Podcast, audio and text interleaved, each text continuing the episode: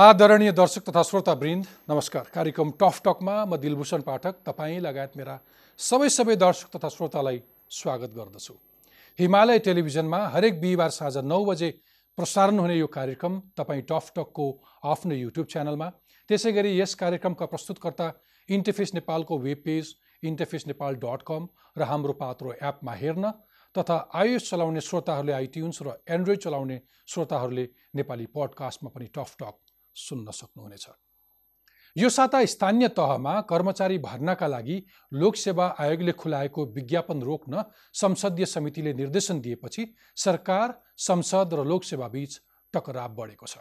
समावेशी सिद्धान्तलाई ख्यालै नगरी नौ हजारभन्दा बढी कर्मचारीका लागि विज्ञापन निकालेपछि भएको विवाद रोक्न समितिले निर्देशन दिएपछि यसको पक्ष र विपक्षमा सडक प्रदर्शन समेत भइरहेका छन्। त्यस्तै सरकारले संसदमा ल्याएका विधेयकहरू एकपछि अर्को विवादमा पर्न थालेका छन्। मिडिया काउन्सिल राष्ट्रिय सुरक्षा परिषद मानव अधिकार आयोग लगायतका विधेयकमाथि नै प्रश्न उठिरहेका बेला अहिले गुठी सम्बन्धी विधेयक पनि विवादको भुमरीमा परेको छ। परम्परागत गुठी मास्ने योजनासहित कानुन बनाउन खोजिएको भन्दै धार्मिक र सार्वजनिक गुठीमा सरोकार राख्नेहरूले राजधानीमा सडक प्रदर्शन गरिरहेका छन्। अनि प्रधानमन्त्री केपी शर्मा ओली यो साता युरोपेली मुलुकहरूको भ्रमणमा निस्कनु भएको छ। बेलायती प्रधानमन्त्री टेरेसा मेले राजीनामा दिइसकेको अवस्थामा प्रधानमन्त्री केपी शर्मा ओली युरोपेली मुलुकहरूको भ्रमणमा निस्केपछि कुटनीतिकका जानकारहरू असन्तुष्टि व्यक्त गरिरहेका छन्। प्रधानमन्त्री भएपछि Chin Bharat America Costa Rica Vietnam Cambodia लगायतका मुलुक पुगिसक्नुभएका ओली अहिले बेलायत फ्रान्स र स्विजरल्यान्डको भ्रमणमा जानुभएको हो। अब लागौँ आजको विषयतर्फ। कार्यक्रम टफ टक राजनैतिक सामाजिक आर्थिक मात्र होइन सबै वर्ग समुदाय लिङ्ग धर्म लगायतका मुद्दाहरूमाथि सार्थक बहस तथा संवाद गर्ने साझा थलो हो। करिब सात वर्षमा टफ टकका तिन सयभन्दा बढी एपिसोड चलिसक्दा केही व्यक्तिहरू अतिथिको रूपमा दोहोरिए भने कुनै मुद्दामा दोहोरो तेह्रो पनि छलफल र बहस भयो। आज भने म अलिक फरक विषय र पात्रसँग कुरा गर्दैछु। मोडलिङ र फेसनको दुनियाँमा रुचि राख्नेहरूका लागि अञ्जली लामा एउटा फरक तर परिचित नाम हो। नेपालमा मात्र होइन विदेशका फेसन र मोडलिङ सोहरूमा उहाँको चर्चा हुने गरेको छ। अन्तर्राष्ट्रिय रूपमा समेत उहाँको चर्चा चुलिनुको कारण हो उहाँको फरक पहिचान। जन्मन्दा पुरुषको रूपमा जन्मनु भएकी उहाँ अहिले महिलाको भेषमा हुनुहुन्छ। अर्थात् आफूलाई तेस्रो लिङ्गीको पहिचान दिलाउनु भएको छ तेस्रो लिङ्गी समुदायबाट अन्तर्राष्ट्रिय जगतमा प्रतिनिधित्व गर्ने वा नेपालको पहिलो मोडल पनि हुनुहुन्छ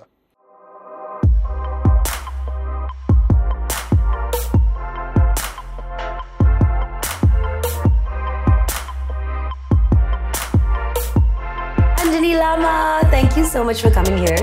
Thank you so much for having me here.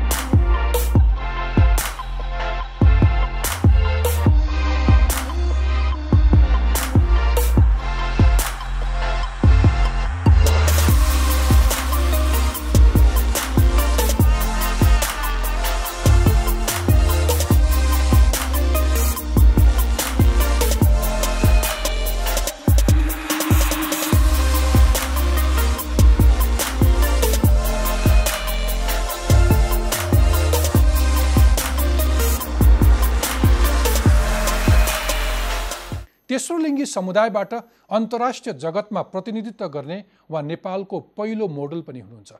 यो समुदायको सङ्ख्या कति छ भन्ने सरकारी तथ्याङ्क नभए पनि निलहिरा समाज र अमेरिकी संस्था विलियम्स इन्स्टिच्युटले सन् दुई हजार तेह्रमा गरेको एक अध्ययन अनुसार एलजिबिटिआइक्यू भनिने अञ्जली जस्ता लैङ्गिक र यौनिक अल्पसङ्ख्यकहरूको सङ्ख्या नेपालमा करिब नौ लाख छ र विश्वभरमा कुल जनसङ्ख्याको एक दशमलव दुई प्रतिशत रहेको अनुमान गरिएको छ।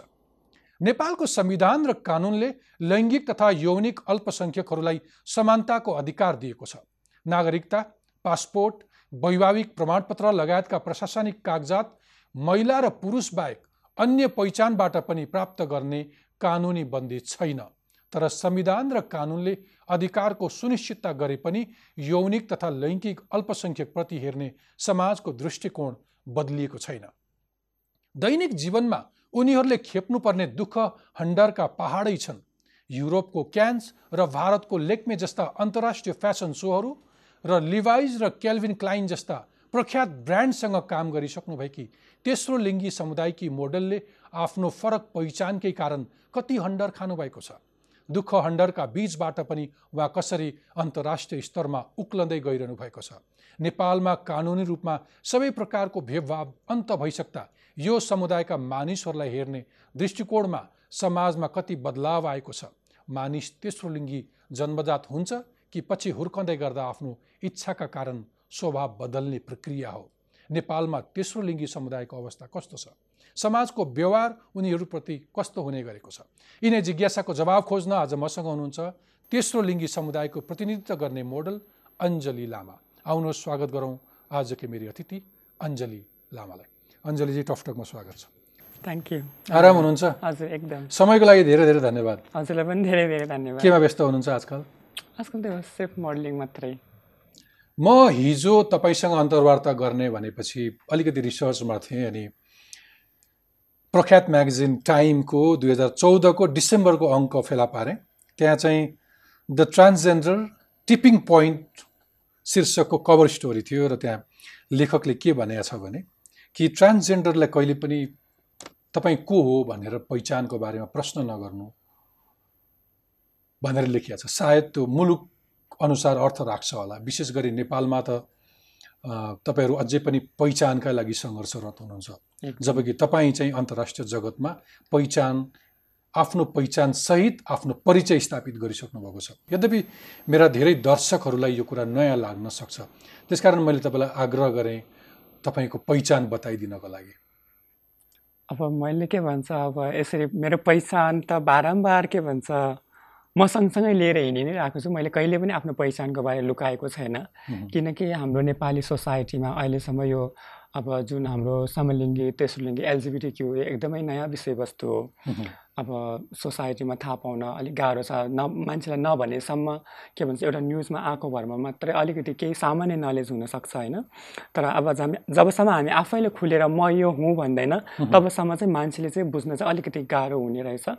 त्यसैले म चाहिँ आफूले आफूले चाहिँ ट्रान्सजेन्डर अब नेपालीमा चाहिँ तेस्रो लिङ्गी भन्छ तर मलाई चाहिँ एज अ लाइक तेस्रो लिङ्गी भने किन तेस्रो पहिलो दोस्रो अब हुन्छ। अब आफ्नो आफ्नो डेफिनेसन हुन्छ तर मलाई चाहिँ ट्रान्सजेन्डर भनेर रुचाउँछु त्यो भनेको चाहिँ पुरुष पनि होइन महिला पनि होइन। अथवा यसलाई अलिकति फुटाइदिन्छु म कि पछिल्लो पटक एउटा टर्मिनोलोजी अन्तर्राष्ट्रिय जगतमा चलेको एउटा टर्मिनोलोजी चाहिँ एलजिबिटिआइक्यू सो एल भनेको. लेस्बियन जी भनेको गे बी भनेको bisexual LGB T transgender I intersex र क्यू चाहिँ क्युयर भनेर आजभोलि चलेको शब्द हो। सो सामान्यतः पहिले चाहिँ यौनिक अथवा लैङ्गिक पहिचान भनेको चाहिँ पुरुष र महिला थिए भने अहिले चाहिँ यति धेरै यति धेरै। लिङ्गहरू छ अथवा यौनिक पहिचान छ? तपाईँ चाहिँ त्यसमा कुन क्याटेगोरी भन्नुभयो? म टीमा पढ्छु। टीमा पर्नु त्यो भनेको. Transgender okay. अब यसलाई अलिकति बुझ्ने गरी भन्दाखेरि अलिकति बुझ्ने गरी भन्दाखेरि टी भनेको चाहिँ अब हामी जन्मदाखेरि चाहिँ अब घर परिवारमा एउटा आमाले एउटा छोराको रूपमा एउटा बालकको रूपमा जन्म लिएको हुन्छ हामीले। तर जन्मेर जब हुर्किने क्रममा चाहिँ हाम्रो इच्छा आकाङ्क्षाहरू चाहिँ परिवर्तन हुँदै जान्छ। अलिकति डिफ्रेन्ट अलिकति फरक हुन्छ। हुन्छ नि अब समाजमा छोरा भएर जन्मेपछि कसैको छोराको जस्तै नेचर हुन्छ छोरी भएर जन्मेपछि छोरीको जस्तै हुन्छ।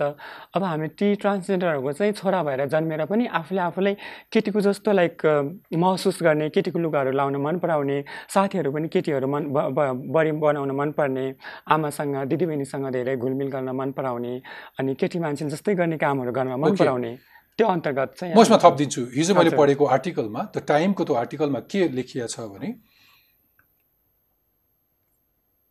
लिङ्ग चाहिँ जन्मिँदाखेरि एउटा लिङ्ग हुनसक्छ लिङ्ग देखिँदाखेरि। तर उसको सम्पूर्ण व्यवहार अथवा उसको साइकोलोजीदेखि लिएर उसको रुचि उसको चाहना चाहिँ अर्को कुनै लिङ्गको हुन्छ। तपाईँ पुरुष भएर जन्मिनुभयो तर तपाईँलाई इच्छा तपाईँको चाहना अरू सबै स्वभाव। धेरैले भन्दाखेरि तपाईँको चिनकट अथवा तपाईँको घाँटी अथवा तपाईँको शारीरिक बनावट धेरै जस्तो चाहिँ महिलाको जस्तो छ तर तपाईँ लिङ्ग चाहिँ पुरुषको लिएर आउनुभयो। अनि जब तपाईँ अब पुरुष स्वीकार्नु भएन र तपाईँ महिला भनेर बन्नुभयो त्यस पछाडि तपाईँको आइडेन्टिटी चाहिँ ट्रान्सजेन्डर भयो यसरी बुझायो। Transgender, okay. गे भने अब गे त पुरुष पुरुष भनौँ न जो अलिकति लाइक एउटा पुरुष जसलाई पुरुषप्रति पुरुष आकर्षण प्रति हुन्छ। लेस्बियन एउटा महिला जसलाई महिलाप्रति आकर्षण। हुन्छ। ओके अब मलाई भनिदिनुहोस्। मलाई माफ पनि गर्नु होला मलाई तपाईँसँगको समुदायसँग सम्बन्धित केही संवेदनशीलताहरू होलान् र मलाई धेरै ज्ञान नभएकोले गर्दा कुनै प्रश्नहरू असजिलो लाग्न सक्छ अथवा अस्वाभाविक लाग्न सक्छ। तपाईँ आफूले चाहिँ कति वर्षको हुँदाखेरि त्यो फरक थाहा पाउनुभयो? म पुरुष होइन म महिला हुँ भनेर। अब त्यो जन्मिने क्रममा जब तपाईँलाई ग के भन्छ गलत के हो र सही के हो भन्ने कुरा थाहा हुन्छ नि। महसुस हुन्छ कि बच्चैदेखि त्यो बेलादेखि नै फिलिङ्स हुन्थ्यो कि म अलिकति अलग छु। किन मलाई केटी भएर केटा भएर केटीको जस्तो फिलिङ्स त्यो त बच बच्चैदेखि हुन्थ्यो स्कुलदेखि लिएर घर परिवार साथीभाइ सबैबाट चाहिँ अब मानसिक तपाईँले चाहिँ मलाई एक किसिमको टेन्सन हुन्थ्यो तनाव हुन्थ्यो सबैले मलाई भन्ने गर्थ्यो किन यस्तो किन उस्तो भनेर। तर यो चाहिँ अब जब मेरो आइडेन्टिटी चाहिँ जब मैले आफ्नो स्कुल अ, को पढाइ खत्तम गरेर चाहिँ सकेर चाहिँ काठमाडौँमा आएर आफ्नो उच्च शिक्षा हासिल गर्छु भन्ने क्रममा आएपछि तब मात्रै थाहा भयो जब म ब्लु डायमन्ड सोसाइटीमा पाइला टेकेँ त्यसपछि मात्रै थाहा भयो कि म ट्रान्सजेन्डर हो त्यसपछि. थाहा भयो मैले। बडो इन्ट्रेस्टिङ स्टोरी छ कुनै बेला बच्चामा तपाईँले के भन्नु जब चेतना आउँछ त्यो बेलादेखि मलाई असजिलो लाग्न थाल्यो। हजुर। अथवा तपाईँ म पुरुष हुँ अथवा अरू केटाहरू खेलेको ठाउँमा त सायद तपाईँलाई खेल्न जान रहर लागेन होला अथवा महिला केटी बालबालिकाहरूले खेलिरहेको ठाउँमा बढी इच्छा भयो होला। कुनै ठाउँमा ग्लानी भयो म पुरुष भएर किन जन्मेँ भनेर? अथवा म यत्रो धेरै चाहना छ तर मैले भएर जन्मिए भए हुन्थ्यो भन्ने महसुस पनि भयो? एकदमै हुन्थ्यो। जब जब मेरो मलाई मैले मेरो आइडेन्टिटी थाहा पाएन कि थाहा थिएन म ट्रान्सजेन्डर हो भने त्योभन्दा अगाडि धेरै मेन्टली टर्चर हुन्थ्यो कि म पुरुष हो। मलाई किन यस्तरी बारम्बार महिला जस्तो भन्न मन लाग्छ? किन महिलाको जस्तो फिलिङ्स आउँछ? म म याद गर्छु म एक क्लासदेखि पाँच क्लाससम्म पढ्दा म स्कुलमा एकदम राम्रो विद्यार्थी थिएँ। म जहिले के भन्छ क्लासमा फर्स्ट आउँथ्यो। त्यसपछि जब अलिक ठुलो हुँदै गएपछि चेता चेतावनी हामीलाई धेरै आउँछ नि धेरै कुराहरूको ज्ञान हुँदै जान्छ। त्यो हिसाबमा चाहिँ मलाई मानसिक तराब चाहिँ डिस्टर्ब हुन थाल्यो कि म किन यस्तो हुँदैछ मलाई सबैले किन यस्तो भन्दैछ। त्यसपछि मेरो पढाइ बिस्तारै बिस्तारै खस्किँदै खस्किँदै खस्किँदै गयो।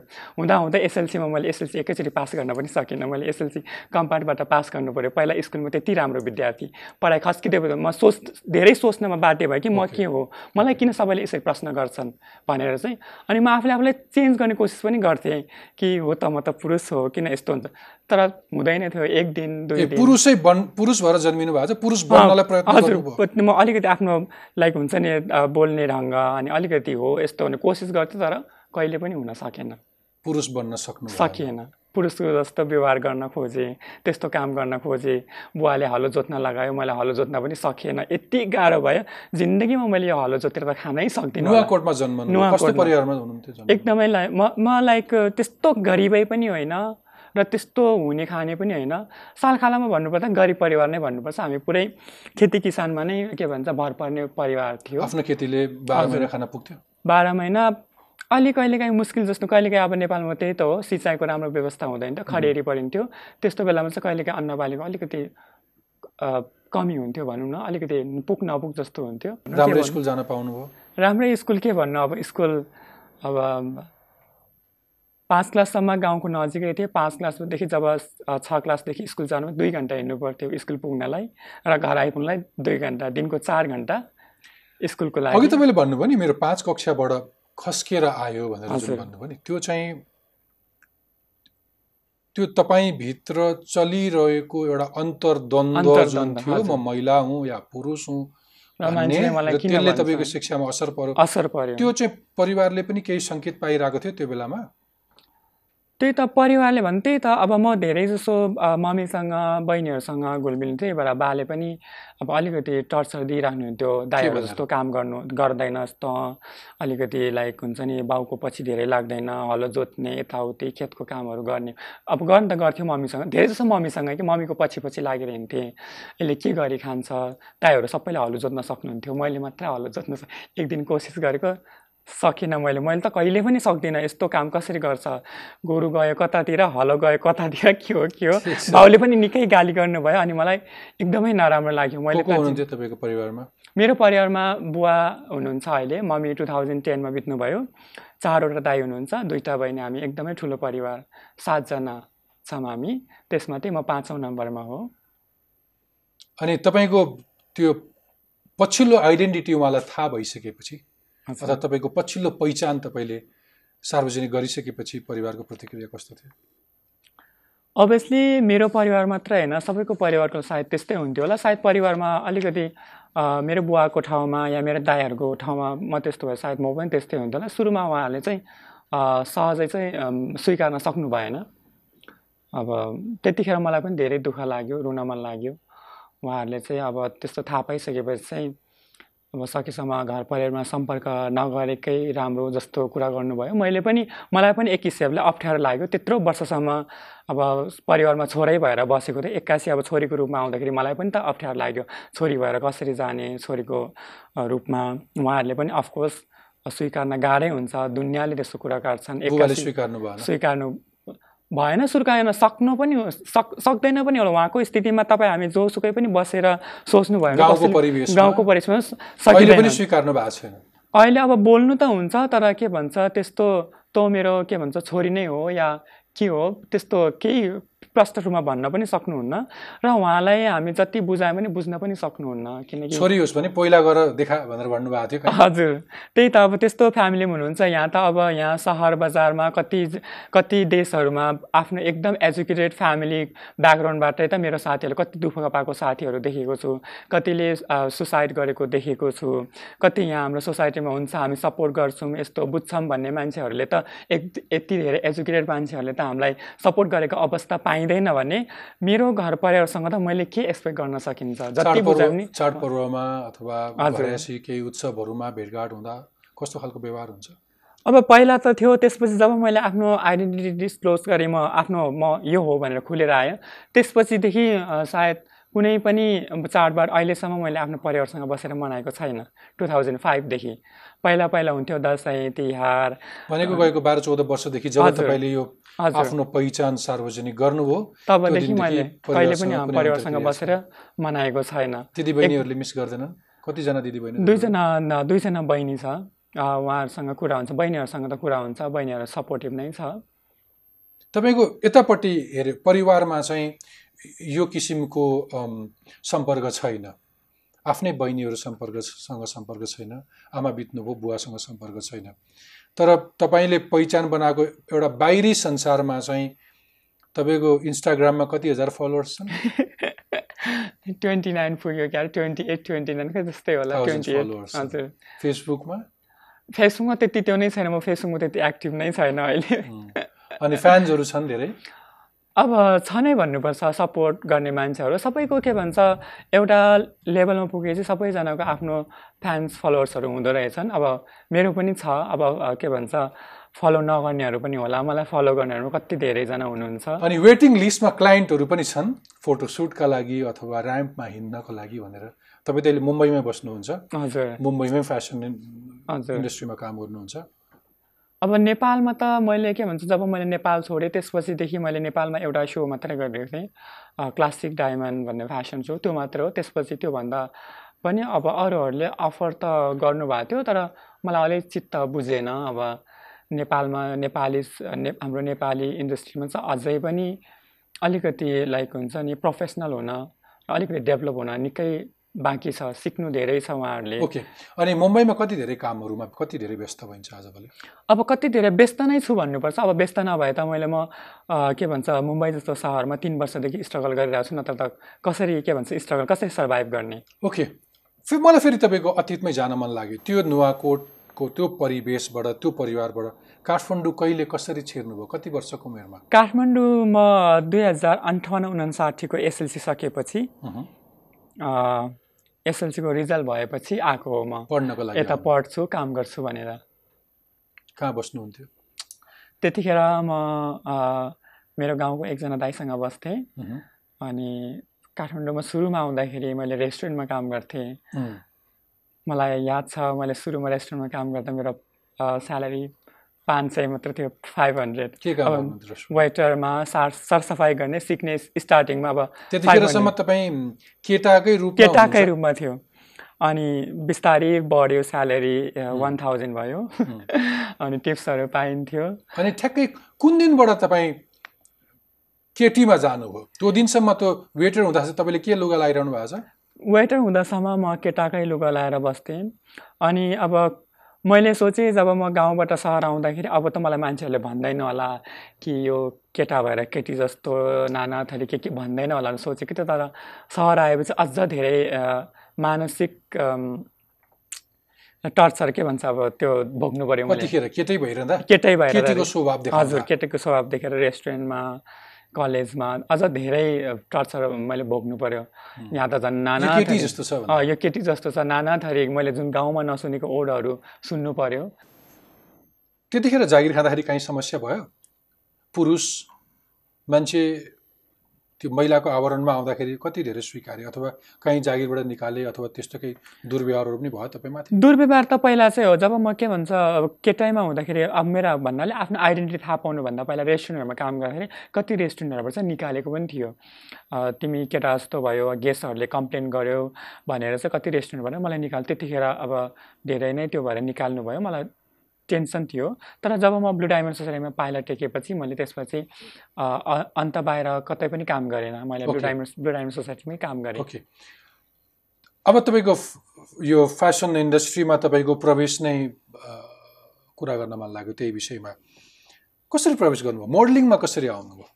अब म जब गाउँबाट आएर अब सहरमा के भन्छ यहाँ काठमाडौँमा रेस्टुरेन्टमा काम गर्ने दौरानमा कतिजना कस्टमरहरूले चाहिँ यो भाइ त कति अग्लो कति स्लिम कस्तो राम्रो मोडल जस्तो भनेर भन्नुहुन्थ्यो। म त त्यति टाढा गाउँबाट आएको अब। मैले भने त्यस्तो खेतमा बारीमा काम गर्ने बिहान बेलुका छाक टर्न गाह्रो हुने एउटा लुगा च्यातेपछि आमा बुवालाई के भन्छ अब यसलाई लुगा कहाँबाट ल्याउने भने त्यस्तो अवस्थामा त्यस्तो फ्यामिलीबाट ब्याकग्राउन्डबाट आएको मान्छे मलाई न फ्यासनको बारेमा थाहा थियो न मोडलिङको बारेमा थाहा थियो। त्यसो भन्नुहुन्थ्यो मोडल जस्तो भन्नुहुन्थ्यो अनि मलाई लाग्थ्यो कि राम्रै भनेको होला भनेर म यस्तो गरी हाँसेर टाढिदिन्थेँ। अनि जब ब्लु डायमन्ड सोसाइटीमा पाइला टेकेँ त्यहाँ पनि मलाई साथीहरूले भने ओहो यिनी त कति अग्लो रहेछन् कस्तो राम्रो रहेछन् मोडल जस्तो देखिँदो रहेछ। फेरि यिनीहरूले मलाई मोडल जस्तो भने के होला थाहा भएन मलाई। अनि त्यसपछि एक दिन फाइनली म एउटा साथीको रुममा गएँ अनि तिनीहरू चाहिँ फेसन टिभी हेरिरहेको रहेछन्। अनि तिनीहरूले भने वा यिनीहरू कति राम्रो हेर न यो मोडलहरू कति पातलो जिउ कति राम्रो। त्यो दिन मात्रै थाहा भयो कि मलाई फेसन मोडल भनेको यस्तो रहेछ। अनि मैले पनि सपना बुन्न थालेँ ओ घर म पनि यसरी मोडल हुनु पाएँ यसरी टकटक हिँड्न पाएँ लुगा लाएर भने सपना बुन्न थालेँ। थाहा थिएन मलाई अब। अनि त्यसपछि टु थाउजन्ड सेभेनमा ब्लु डायमन्ड सोसाइटीले मिस पिङ भन्ने ब्युटी प्याजेन्ट अर्गनाइज गर्यो। त्यसमा मैले पनि पार्टिसिपेट गरेँ। अनि त्यसमा मैले धेरै कुराहरू सिक्ने मौका पाएँ। कसरी क्याटवक गर्ने अनि कसरी पोजहरू गर्ने ग्रुमिङ क्लासहरू हल्का मेकअपहरूको क्लासहरू त्यसपछि इच्छा जाग्दै गयो। फर्स्ट त्यतिखेर थियो। अनि त्यसपछि तर गाह्रो भएन। मोडलिङ युजली मोडलिङ भनेको त्यसमा पनि महिला भएर भनेपछि त अलिकति हाउभाउ त्यही त शारीरिक ऊहरू पनि चाहिन्छ। धेरै पुरुष फेरि त्यहाँ महिला जस्तो हुनलाई त गाह्रो पनि थियो होला नि। गाह्रो थियो। त्यही त अब टु थाउजन्ड सेभेनमा फर्स्ट अब त्यतिखेर अ, मैले एउटा ब्युटी प्याजनमा भाग लिएँ। त्यसपछि केही ज्ञानहरू पाएँ। तर त्यतिखेरसम्म पनि मैले म मोडल बन्छु भनेर सोचेको थिएन। त्यतिखेर आफ्नै आफ्नो आफ्नो पहिचानलाई लिएर नै सङ्घर्ष गरिरहेको अवस्थामा अब एकैचोटि के भन्छ अर्को प्रोफेसनमा जानलाई त्यति सजिलो पनि थिएन सोचेको पनि थिएन। अनि एक्कासी टु थाउजन्ड नाइनमा चाहिँ नेपालको चाहिँ भाउ म्यागजिन भोइस अफ वुमेनमा चाहिँ हामी ट्रान्सजेन्डरहरूको स्टोरीहरू कभर गर्ने र अनि कभरमा पनि हामी ट्रान्सजेन्डरलाई राख्ने भनेर चाहिँ उहाँहरूले चाहिँ डिसिजन डिसाइड गर्नुभएको रहेछ। चारु चड्डा त्यसको हजुर चारु। चड्डा र मालिनी समथिङ बादवा समथिङ के दुईजना म्याम हुनुहुन्थ्यो। अहिले पनि म। हजुर उहाँहरूलाई म धेरै धेरै धन्यवाद दिन चाहन्छु। उहाँहरूले गर्दा मेरो करियरको के भन्छ अर्को मोड लियो त्यो म्यागजिनले तपाईँलाई एक्सपोजर दियो एक्सपोजर तपाईँको फोटो सेसन गर्यो फोटो सुट। गर्यो। त्यसपछि मैले डिसाइड गरेँ कि अब चाहिँ म मोडल बन्छु भने त्यसपछि मैले डिसाइड गरेँ। ओके डिसाइड गरेपछि के के भयो? ल भन्नुहोस्। डिसाइड गरेपछि त्यति सजिलो थिएन। अब कुनै नर्मल एउटा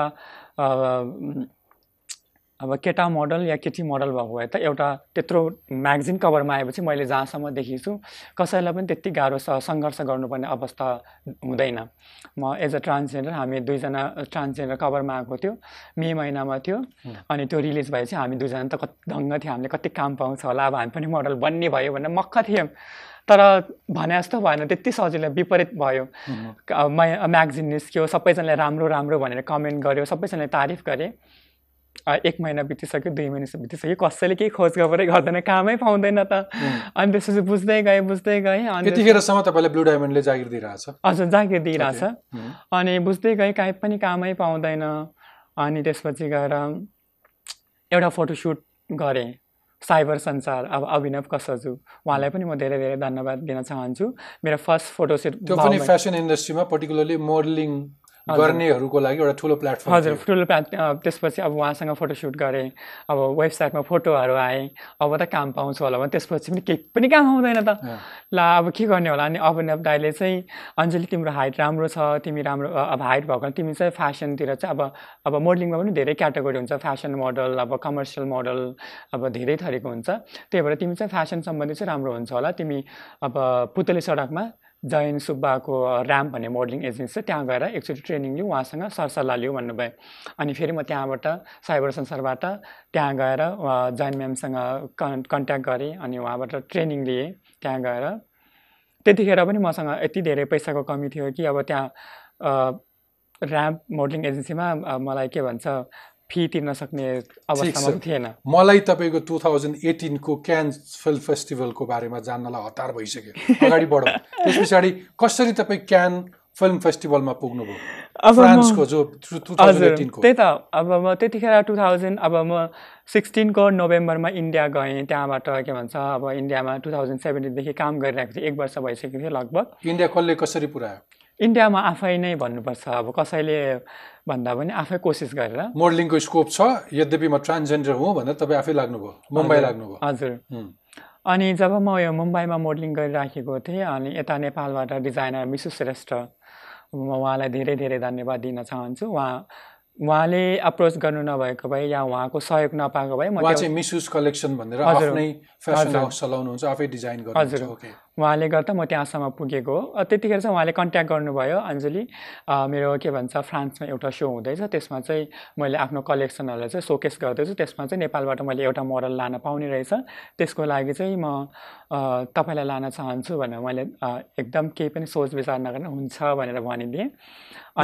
तपाईँले सोध्नु भएन अरू कुनै कोही मोडललाई नलगेर तपाईँले किन छान्नु भनेर सोध्नु भएन? मैले त्यसरी सोधिनँ मलाई अपर्च्युनिटी पाइरहेको थिएँ म एकदम खुसी थिएँ। अथवा मलाई म अहिले उहाँ अगाडि हुनुभएको भए यो प्रश्न सोध्ने। हजुर। उहाँले तपाईँलाई छान्नु अब मैले त सोधिनँ अब अब मैले एकचोटि उहाँको के भन्छ यता नेपालमा फेसन सो हुँदा उहाँसँग मैले काम गरिसकेको थिएँ त्यतिखेर पनि उहाँले चाहिँ अब मलाई चाहिँ के भन्छ राम्रै भन्नु त कति राम्रो रहेछ इन्टरनेसनल. लुक भनेर. अनि त्यसपछि उहाँले फ्रान्सको लागि अप्रोच गर्नुभएको थियो मैले ओके भनेको थिएँ पछिल्लो पटक चाहिँ प्रियङ्का कार्कीजी त्यही क्यान्स फिल्म फेस्टिभलमा चाहिँ रेड कार्पेटमा हिँड्ने पहिलो नेपाली भनेर केही खबरहरू आए तर त्यो चाहिँ गलत रहेछ। त्योभन्दा अगाडि नै तपाईँ त्यहाँ रेड कार्पेटमा हिँडिसक्नु भएको थियो टु थाउजन्ड एटिनमा राइट? हजुर हिँडेको हो तर अब के भन्छ अब के भन्छ अब यो प्रियङ्का र मेरो बारेमा जुन वाद विवादहरू भयो अब मलाई त त्यसमा केही त्यो छैन। अब अब मिडियाहरूले के के के के लेख्नुभयो मलाई त त्यस्तो भन्नु त केही छैन। मैले चाहिँ अब एउटा कुरा क्लियर गर्नुपर्दाखेरि चाहिँ मैले चाहिँ यो यसरी के भन्छ म नै पहिलो व्यक्ति थिएँ भनेर चाहिँ भन्न चाहिँ चाहन्न। तर एज अ टिम चाहिँ हामी पहिलो टिम थियो. डिजाइनर मोडलको रूपमा गएर चाहिँ एक्सपिरियन्स भन्नुहोस् न त्यो एक्सपिरियन्स कस्तो थियो? राम्रो थियो मेरो लागि त के भन्छ फर्स्ट टाइम इन्टरनेसनल लाइक हुन्छ नि नेपाल र इन्डियाभन्दा युरोपियन कन्ट्रीमा फर्स्ट टाइम गइराखेको थियो। त्यहाँ गएर Nepalese designer plus Nepalese model भएर आफ्नो देशको प्रतिनिधित्व गर्न पाउनु मेरो लागि धेरै सौभाग्य ठुलो सौभाग्यको कुरा थियो। राम्रो लाइक हुन्छ नि राम्रो अनुभव थियो। एकदम सबै ट्रान्सजेन्डरहरूको थियो या मिक्स। थियो? ट्रान्सजेन्डरबाट म मात्रै थियो। अरू सबैजनालाई चाहिँ फिमेल मोडलहरू ए हुनुहुन्थ्यो ओके ए ओके त्यो त्यो ऱ्याम्पमा अथवा त्यो फेसन सोमा ट्रान्सजेन्डर तपाईँ एक्लो रिप्रेजेन्ट गर्दै अरू। बाँकी रेगुलर स्ट्रेट सेक्सवाला ए ओके त्यस पछाडि तपाईँले ल्याक्मे फेसन सोमा सहभागिता जनाउनु भयो इन्डियामा। हजुर। यो चाहिँ क्यान्सभन्दा अगाडि थियो कि पछाडि थियो? क्यान्सभन्दा पहिला मैले लाग्मे लाग्मेमा के भन्छ सेलेक्ट भएको थिएँ त्यसपछि चाहिँ क्यान्स गएको मैले आफै कति सजिलो थियो? ल्याक्मे फेसन सोमा सहभागी हुन कतिचोटि अप्लाई गर्नुभयो कतिचोटि फेल हुनुभयो? जब म नेपालमा यहाँ के भन्छ मैले कोसिस गर्दा गर्दा दुई वर्षसम्म त केही पनि काम पाएन। टु थाउजन्ड नाइनदेखि अ, कोसिस गरेको टु थाउजन्ड इलेभेनमा गएर बल्ल एउटा फेसन सो पाएँ। त्यसपछि बल्ल मान्छेहरूले चिन्न थाले ट्रान्सजेन्डर मोडल भनेर। अनि जब यहाँ मोडलिङ गर्ने क्रममा कतिपय राम्रो साथीहरूले चाहिँ के भन्नुहुन्थ्यो तिमीले यति राम्रो हाइट छ यस्तो राम्रो फिगर छ बाहिर किन जाँदैनौ? बाहिर जान कसलाई मन हुँदैन? कसलाई थिएन होला र? एज अ मोडलको रूपमा काम गरेँ सबैजना मोडललाई भिक्टोरिया सिक्रेटसम्म पुग्न मन लाग्छ मलाई पनि मन थियो। तर तपाईँ लिभाइज र क्याल्भिन क्लाइनसम्म पुगिसक्नुभयो हजुर त्यहाँसम्म पुगेँ तर अब त्यहाँ अहिले म बिस्तारै आउँछु कसरी छिर्नुभयो त्यही त अब यहाँ त्यसरी भन्नुभयो सबैजनाले भन्नुहुन्थ्यो मलाई पनि अभियसली बाहिर जान मन थियो। मसँग पैसा थिएन मलाई इङ्ग्लिस ल्याङ्ग्वेज त्यति राम्रो थिएन म त्यस्तो ब्याकग्राउन्डबाट अहिले मलाई कति के भन्छ मेरो फलोवर्सहरूले भन्नुहुन्छ अञ्जलीको इङ्ग्लिस राम्रो छैन अञ्जलीले इङ्ग्लिस इम्प्रुभ गर्नुपर्छ। कतिजनालाई थाहा छैन होला म कस्तो ब्याकग्राउन्डबाट आएको छु भनेर। अनि जब म त्यसो गर्ने क्रममा चाहिँ सबैजनाले बाहिर जा किन जाँदैन किन जाँदैन भन्थ्यो। अनि मैले त कहिले पनि सोचेको थिएन कि म ट्रान्सजेन्डर हो अनि म ल्याक्मेमा कसरी जाने मैले सोचेकै थिएन अनि एक्कासी टु थाउजन्ड सिक्सटिनमा चाहिँ मेरो दिमागमा आयो अब नेपालमा योभन्दा जाने माथि जाने ठाउँ नै छैन।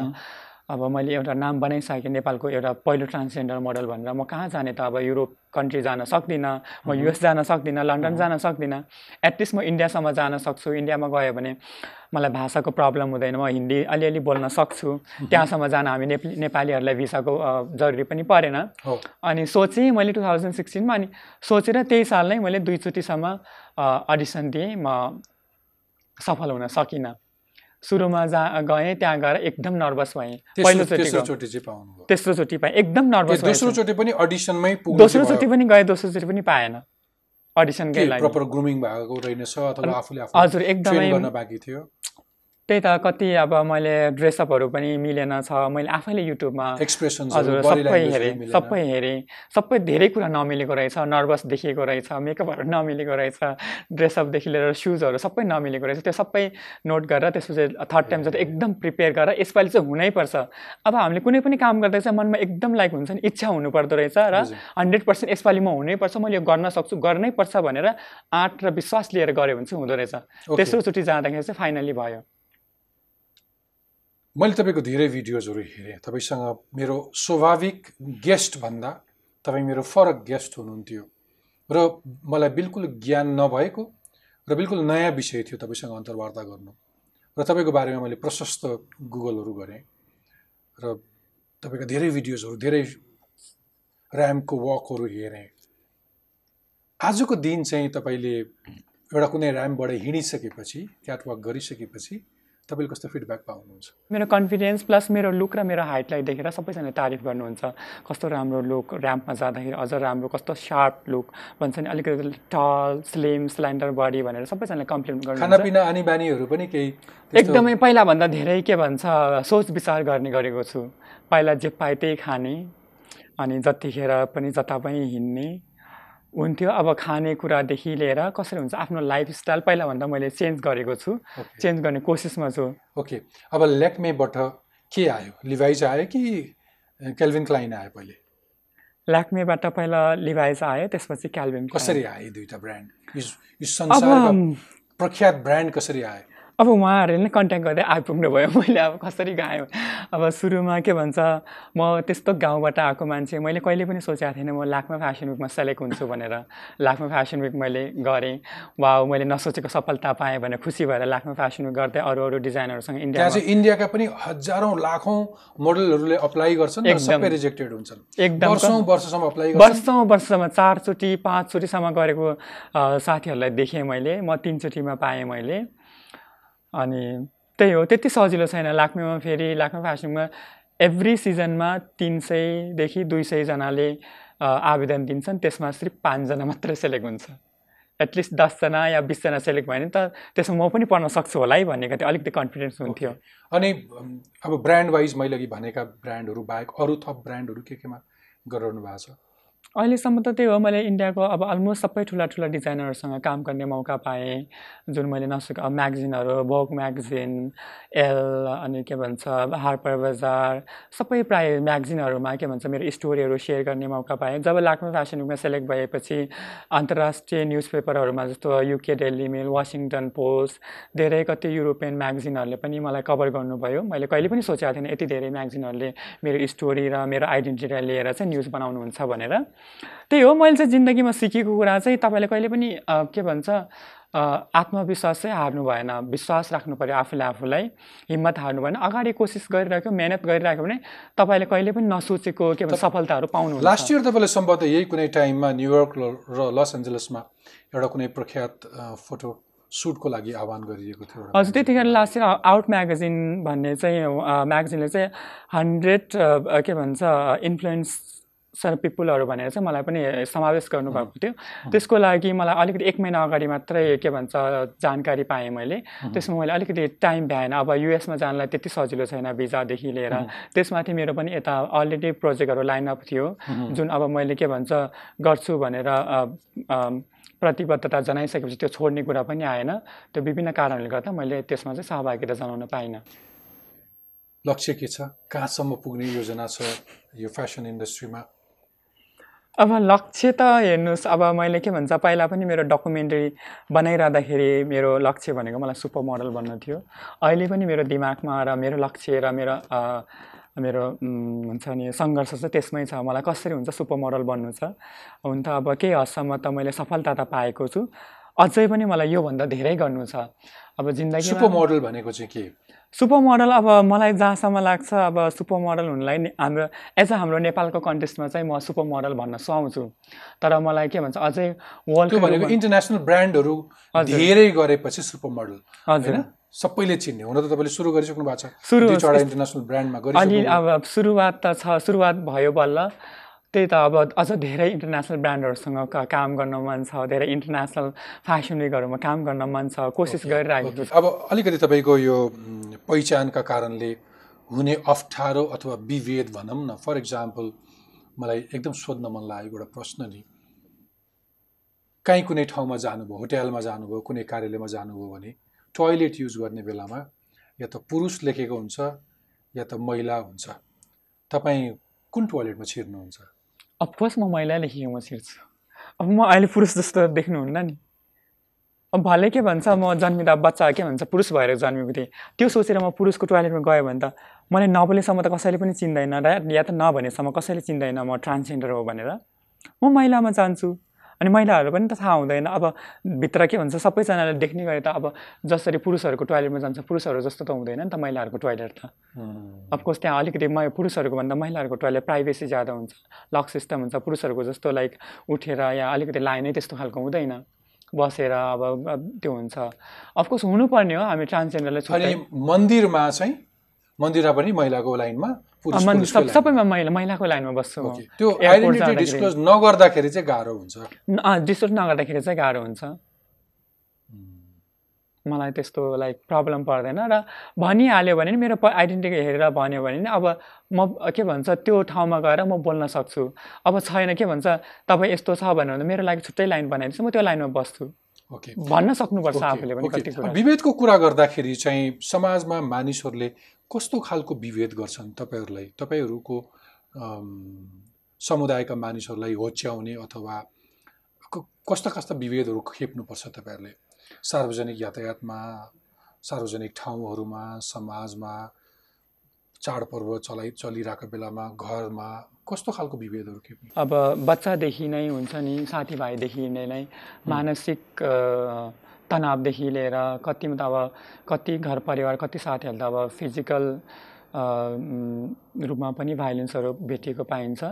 त्यही हो मेन्टल्ली हुन्छ नि तिमी यो तिमी यस्तो तिम्रो व्यवहार यस्तो भनेर साथीभाइ रिलेटिभ्स घर परिवारबाट नै सुरु हुन्छ यो कुराहरू।